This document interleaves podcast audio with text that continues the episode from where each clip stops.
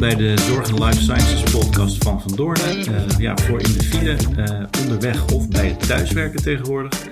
Uh, mijn naam is Kees-Jan de Boer, advocaat bij het Zorg en Life Sciences team, gespecialiseerd in marktregulering en mededinging. En vandaag in de studio bij mij aangeschoven Sibren Kuiper, mijn collega die alles weet van pensioenrecht. Dankjewel Kees-Jan. Leuk, ja. leuk om er even te zijn. Ja, Sibren, jij bent bij mij langsgekomen want jij vond dat er voor de zorg een podcast moest komen over het nieuwe pensioenakkoord. Misschien kan je beginnen met uitleggen waarom dit pensioenakkoord, wat nou ja, vlak voor de zomervakantie is gesloten, nou zo belangrijk is, ook voor zorginstellingen. Dit pensioenakkoord dat gaat eigenlijk het Nederlands pensioenstelsel flink op zijn kop zetten. En dat is dus niet specifiek voor zorginstellingen alleen aan de orde, maar er zijn in de zorg flink wat pensioenfondsen actief. En uh, ja, daar gaat het denk ik toch allemaal net weer eventjes anders voor uitpakken voor ieder van die pensioenfondsen. Dus het is niet zo alsof je gewoon één uitwerking van dit pensioenakkoord in de zorg hebt. En dat is denk ik uh, wel leuk om daar eens even op in te zoomen. Dus, dus gewoon eerst eens even goed kijken van wat is dat nou eigenlijk, dat pensioenakkoord? Nee, en, ik stel de vraag. Hè? Ja, ik stel de vraag. Uh, maar het is wel een goede. Wat is, wat is dat pensioenakkoord wat we hebben gesloten? Ja, het is iets waar we echt al heel lang mee onderweg zijn met elkaar. Maar waar het nu uiteindelijk op neerkomt, het is uh, vorig jaar juni, dus in 2019, is er op hoofdlijnen zo'n akkoord bereikt. Wat er nou eigenlijk afgelopen zomer is gebeurd, is dat uitgewerkt is, ook nog steeds op hoofdlijnen, in een soort notitie die moet gaan leiden tot wetgeving. En wat daar eigenlijk. Het, moet gaan het, het is een akkoord tussen wie en wie? Ja, tussen uh, de sociale partners en het kabinet, zo zou je het eh, kunnen noemen. Sociale partners, werkgever, werknemersorganisaties. Werkgevers en werknemersorganisaties. Pensioen is nou typisch een onderwerp waarbij de wetgever wel contouren stelt, maar eigenlijk het initiatief bij werkgevers, werknemersorganisaties wil laten. Dus daar zal ook de vernieuwing vandaan uh, moeten komen. Nou, en dat is misschien ook gelijk wel een verklaring waarom het wel eventjes heeft geduurd voordat iedereen of alle neuzen dezelfde kant op uh, stonden. Maar dat lijkt, dat lijkt nu het geval. Oké. Um, en dat, dat leidt dan dus nu tot een pensioenakkoord die, je zegt net al, dat moet wetgeving worden. Um, wat zijn nou de highlights van het pensioenakkoord? Je zegt het gaat helemaal op de schop. Wat wordt er nou echt anders? Ja, dat, dat, pensioenakkoord dat heeft een flink aantal onderwerpen. En aan de ene kant is het, en dat was voor de, voor de vakbonden heel belangrijk, iets rondom de AOW-leeftijd. De AOW-leeftijd is minder snel gaan stijgen. Dus sommigen hebben het in het begin ook wel gekscherend een soort AOW-akkoord genoemd. Dat was snel binnen. Die wetgeving, die is ook al rond. Maar, maar dat is tot, vijf, tot, van 65 naar 67 en niet verder verlopen. Uh, waar die AOW-leeftijd eerst wat sneller omhoog is gezet, daar is die nu gekoppeld aan de levensverwachting. Dus dat betekent dat de AOW nou, iets minder snel gaat stijgen. Hij komt straks uit in 2024 op 67 jaar. En dan wordt hij gekoppeld aan de levensverwachting. Nou, en dat is wel echt uh, voor de vakbonden een belangrijke uh, mijlpaal geweest om binnen te halen. Maar het pensioenstelsel bestaat natuurlijk niet alleen uit de AOW, want er zitten mm -hmm. ook wat andere componenten aan. Um, en dat is waar die hoofdlijnennotitie nu met name over ging, die andere component. En dat is het pensioen dat werkgevers werknemers afspreken. Uh, en wat dus eigenlijk uitgevoerd wordt door bijvoorbeeld pensioenfondsen. Ja, dus dat gaat over hoeveel uh, betaal je, uh, hoe wordt het uitgekeerd, hoe, hoe, wordt het fonds gevuld? Het is eigenlijk denk ik nog wel een stuk fundamenteler. als je nu kijkt naar wat je hebt in de zorg, dan is misschien wel het, het bekendste pensioenfonds daar pensioenfonds Zorg en Welzijn. Mm -hmm. nou, maar je hebt ook hele andere fondsen. Hè. Je hebt ook voor de verschillende beroepen in de zorg heb je fondsen, bijvoorbeeld voor de huisartsen, de fysiotherapeuten. Um, en medisch specialisten niet te vergeten. Ja. Um, en um, nou, om maar even die grootste te pakken, pensioenfonds Zorg en Welzijn, die hebben dan wat dan heet een zogenaamde middenloonregeling. Dus wat daar, daar is toegezegd, is eigenlijk een pensioen dat gekoppeld is aan je salaris. En dat verandert. Dat pensioen is nu veel meer een afspraak over wat er straks ingelegd gaat worden. Dus dat betekent dat je nu een afspraak maakt over ik leg iedere maand een bepaalde premie in. En wat de uitkomst daarvan is, ja, dat zullen we nog maar even moeten zien. Dus een variabele uitkomst uh, op je pensioen. Precies. En dat is echt een fundamentele verandering in het Nederlands pensioenstelsel. Dat soort contracten had je wel, Maar het merendeel van de Nederlanders en ook het merendeel van de mensen in de zorg had niet zo'n pensioen dat uh, met name bestaat uit een premie die werd ingelegd. Ja, dus dat is, je, krijgt je kreeg voorheen gegarandeerd een bepaald pensioen uitgekeerd. Dat gaat straks veranderen. Dus ook voor eh, iedereen die nu al bezig, jaren bezig is met pensioenopbouw. Zo is het, zo is het. En je, ik vind het leuk dat je eh, het hebt echt over van je krijgt dan gegarandeerd eh, zo'n pensioen. Ja, dat viel dus de laatste tijd nogal mee. En die garantie bleek minder hard dan dat misschien door sommigen gedacht werd.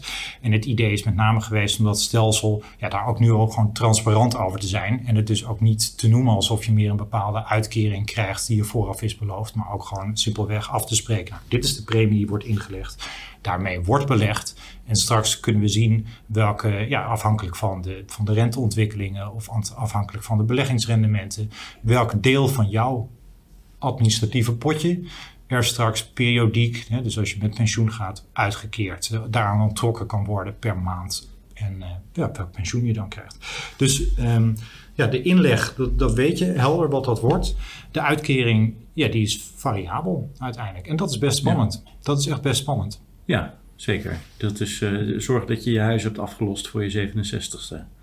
Uh, ja, Simon, ik zit hier even over na te denken. Maar stel nou, je bent verpleegkundige, uh, je hebt je helemaal uh, het schompers gewerkt nu met de, de, recente COVID-crisis.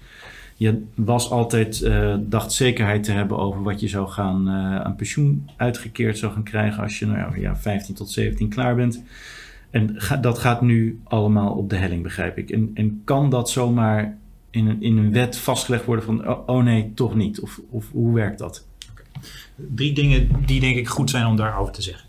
Het eerste is, is, is dat, je, dat je aangrijpt bij van hè, de zekerheid gaat op de helling weet niet helemaal zeker of dat is hoe je het uh, zou moeten ervaren. Dus wat er nu verandert is, is, is dat, er, dat er eigenlijk meer transparanter gedaan wordt over van wat dat pensioenproduct is. Het is eigenlijk veel meer een spaarpotje geworden, waaruit straks onttrekkingen worden gedaan.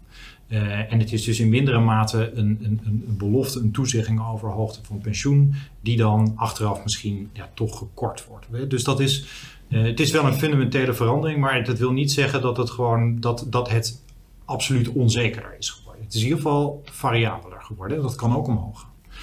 Ja, dan, dan je vraag zeg maar van hoe, hoe komen we daar nou? Mm ik, je, moet daar, dat, dat kan je, en daarom noemde ik net drie punten. Je kan het in twee delen uit elkaar halen. Je kan namelijk kijken naar vooruit, zeg maar voor de toekomst, voor het opbouwen. Dat is denk ik helder. Er gaat voor iedereen dit nieuwe pensioencontract gelden. Dus dat betekent dat we uh, ja, het pensioenfonds en de sociale partners daar met elkaar bepalen wat de inhoud van het contract gaat worden. Dat ligt vast in een reglement.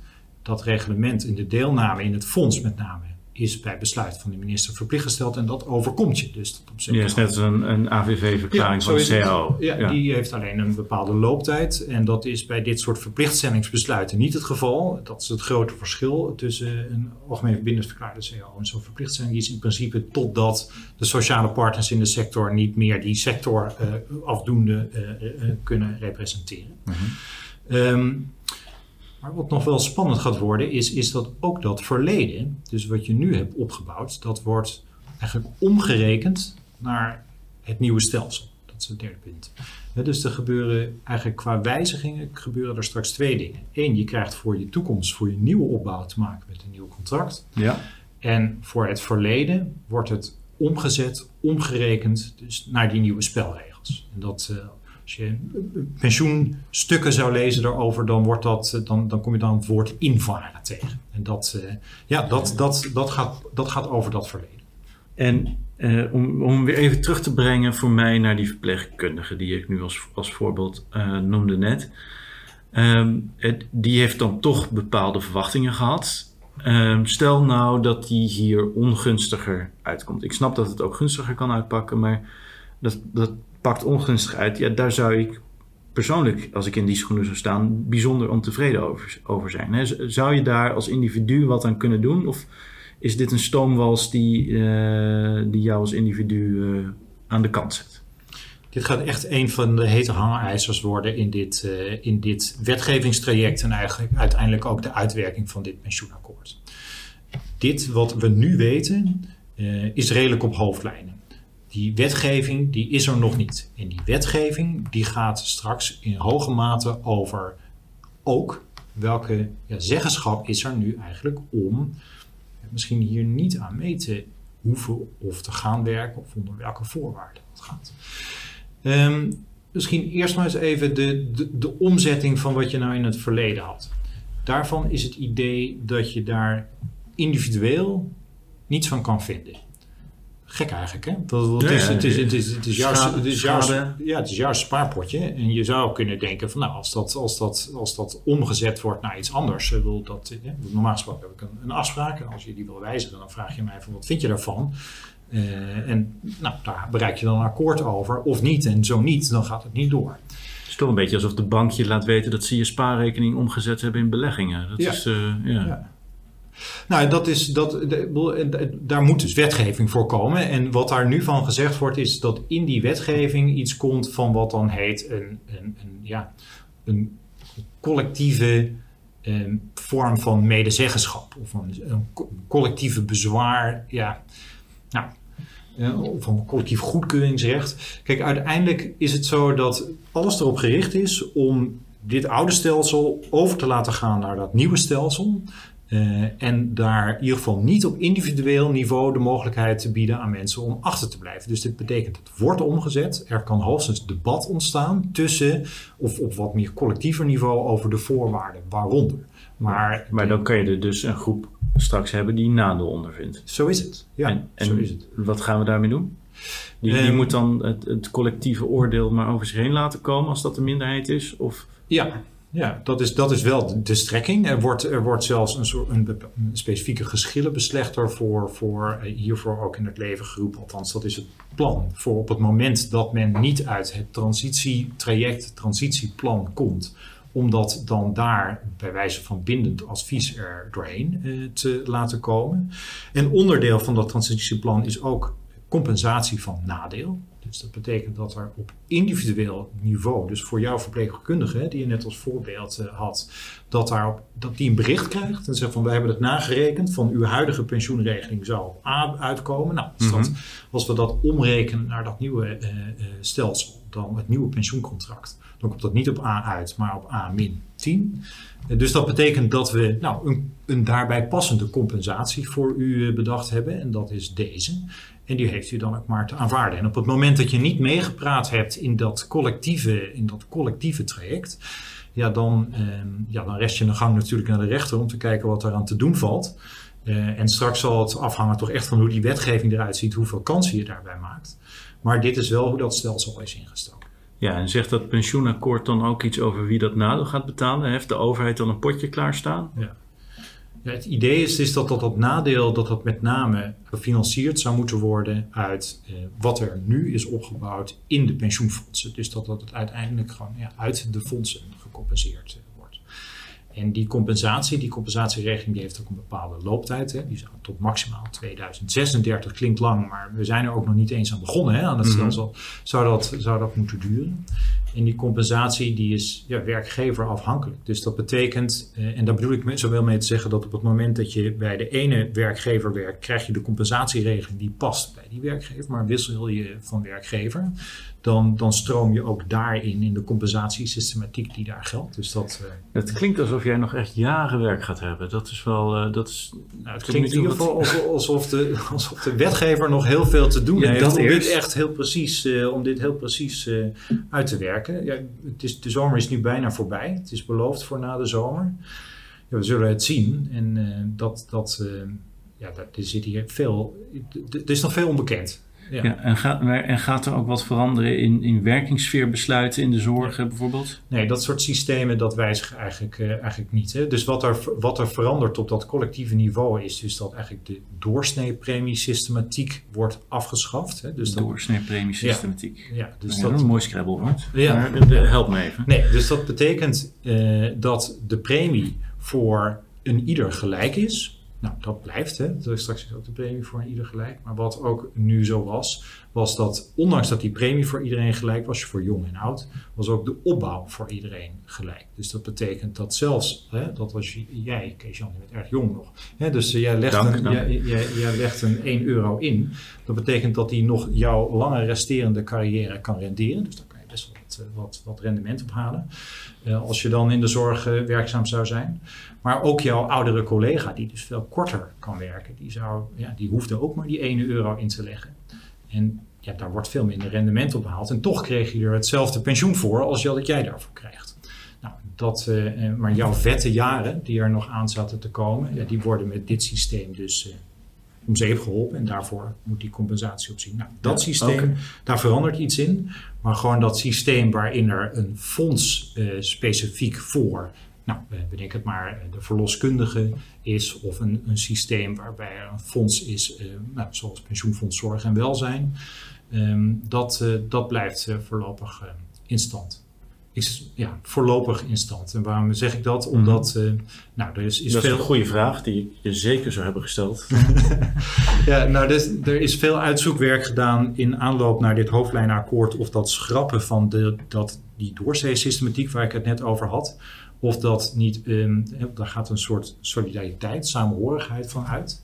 En nu komt het langzaamaan op jouw terrein. Of, dat, uh, of het schrappen van die solidariteit niet een, um, er uiteindelijk toe leidt dat er onvoldoende rechtvaardiging is om inbreuk te maken op mededingingsrecht. Wat dus die verplichtstelling, die verplichte deelname in een bedrijfstak pensioenfonds of in een beroepspensioenregeling uh, inhoudt. Maar die dus gerechtvaardigd wordt door dit soort solidariteitskenmerken. Ja. Nou, het oordeel daarvan is, is van er, zitten nog er blijft nog voldoende wat we met elkaar delen over in het systeem. Het zou kunnen dat iemand dat natuurlijk eens uh, bij een rechter probeert te toetsen.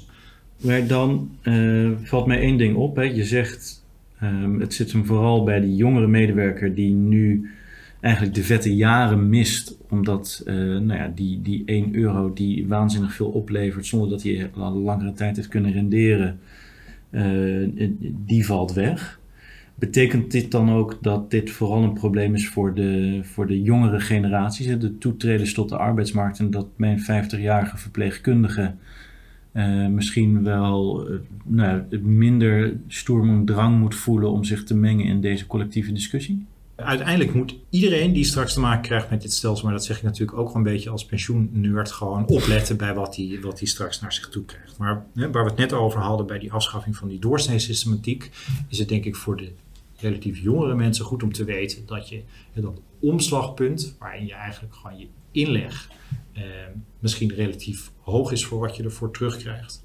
Eh, dat zit zo een beetje rond de 42 jaar. Dus ben je gewoon eigenlijk 42 nu en heb je dus al die jaren gewerkt uh, in, een, in, een, nou, bij, in een sector waar dus uh, een pensioenfonds met bijvoorbeeld de middelloonregeling geldt. Bijvoorbeeld, uh, je bent aangesloten bij pensioenfonds Zorg en Welzijn. Dan betekent het dat je eigenlijk de jaren waarin jij sponsoring van jongeren zou ontvangen, die komen er nu net aan. Die krijg je niet meer uh, onder, deze, uh, ja, onder dit nieuwe pensioencontract. Nou, daar zal dus iets van een mechaniek voor compensatie, zal je daar waarschijnlijk voor terug willen zien. Je hebt nou ja, de afgelopen periode relatief veel bijgedragen voor het pensioen dat je daarvoor, uh, dat je daarvoor krijgt. Althans, hè, dit is dan het, meer rekenkundig of het actuariële antwoord. Um, dus ja, daar zit de compensatie en daar zit met name het opletten. Um, ik denk dat er ook wel wat voor de, voor de, voor de jongeren natuurlijk zit, uh, uh, gewoon om op te letten. Uh, ja, je, je, zal willen weten gewoon hoe die buffers worden toe, toegedeeld. Hè? Dus zeg maar, wat is er nu opgebouwd in het, in, bij het pensioenfonds? Um, klopt het wel in welke mate dat nu, ja, dat moet herverdeeld worden onder de gehele populatie. Je wil daar denk ik ook goed zicht op hebben dat dat nou, op een adequate manier ook ten behoeve van, van jou uh, gebeurt. Ja, de ruif moet niet leeg zijn op het moment dat je 67 bent. Nee, het wil ook helemaal niet zeggen dat de buffers die er nu zijn volledig uitgekeerd, gewoon toebedeeld moeten worden ten behoeve van die compensatie of iets dergelijks. Dus daar zal je, ik, ik, nou, ik denk dat je daar van je fonds helderheid wil verwachten. Uh, en dat je transparantie wil over hoe dat, uh, hoe dat eruit ziet. Dus we gaan van solidariteit tussen de generaties naar signalering of de, elkaar een beetje in de gaten houden. Ja, ja. nou kijk, het verhaal is nog wel ietsje complexer, denk ik, Kees-Jan, dan hoe wij het uh, gelukkig ja, maar nou, bij pensioenstelsel er, zit, er, er uiteindelijk de mogelijkheid om ook in dit stelsel nog uh, iets van een solidariteitsreserve in te bouwen, om schokken in, op de beurzen, et cetera, op te vangen. Dus wat dat betreft, of, uh, of misschien wel renteontwikkelingen op te vangen. Dus er zit nog wel iets van een verdeelmechanisme in, maar het is in ieder geval een stuk minder dan dat dat nu het geval is. Ja, oké. Okay. En, wat is nu verder de planning? Uh, wat kunnen wij verwachten? Je zei na de zomer moet de concept wetgeving liggen. Ja, wanneer, wanneer is dit hele proces, hoe gaat dat eruit zien? Ja, dus het hele proces daarvan is de horizon nu dat het in 2036 is afgerond. Dus dat duurt nog even. Ja, maar, dat is de uitvoering van de regeling. Uh, ja. Maar dat wetgevingsproces? Nou, het idee is dat dat in het najaar van 2020 start. Hè. Dus we hebben in juni 19 hebben we het, het akkoord uh, gehad. We hebben vlak voor de zomer de hoofdlijnennotitie gekregen. Dan najaar 2020, dat ze dan noemen uh, start wetgevingsproces. Uh, dus we verwachten een, een, wetsvoorstel dat naar de Kamer uh, gaat. Uh, misschien komt er nog wel een consultatiefase aan vooraf, wat natuurlijk bijzonder interessant kan zijn. Want dan kan, ja, dan kan iedereen, kan iedereen input leveren. Ja. Misschien dat wij dat hier ook wel doen, maar ik kan me ook voorstellen dat nou, misschien sommige van de luisteraars het interessant vinden om daar gewoon op in te haken en input op te geven. Het idee is dan vervolgens dat die wetgeving van kracht wordt per 1 januari 2022. En dan vervolgens is het uiterste moment waarop de transitie, zo wordt dat dan genoemd, moet plaatsvinden. Dus dat betekent dat er opgebouwd wordt in het nieuwe contract en de oude aanspraken ook zijn overgezet naar dat nieuwe contract. Dat dat gebeurd is per 1 januari 2026. Maar je ziet nu al dat er fondsen zijn die echt van het voorsorteren zijn op veel eerder.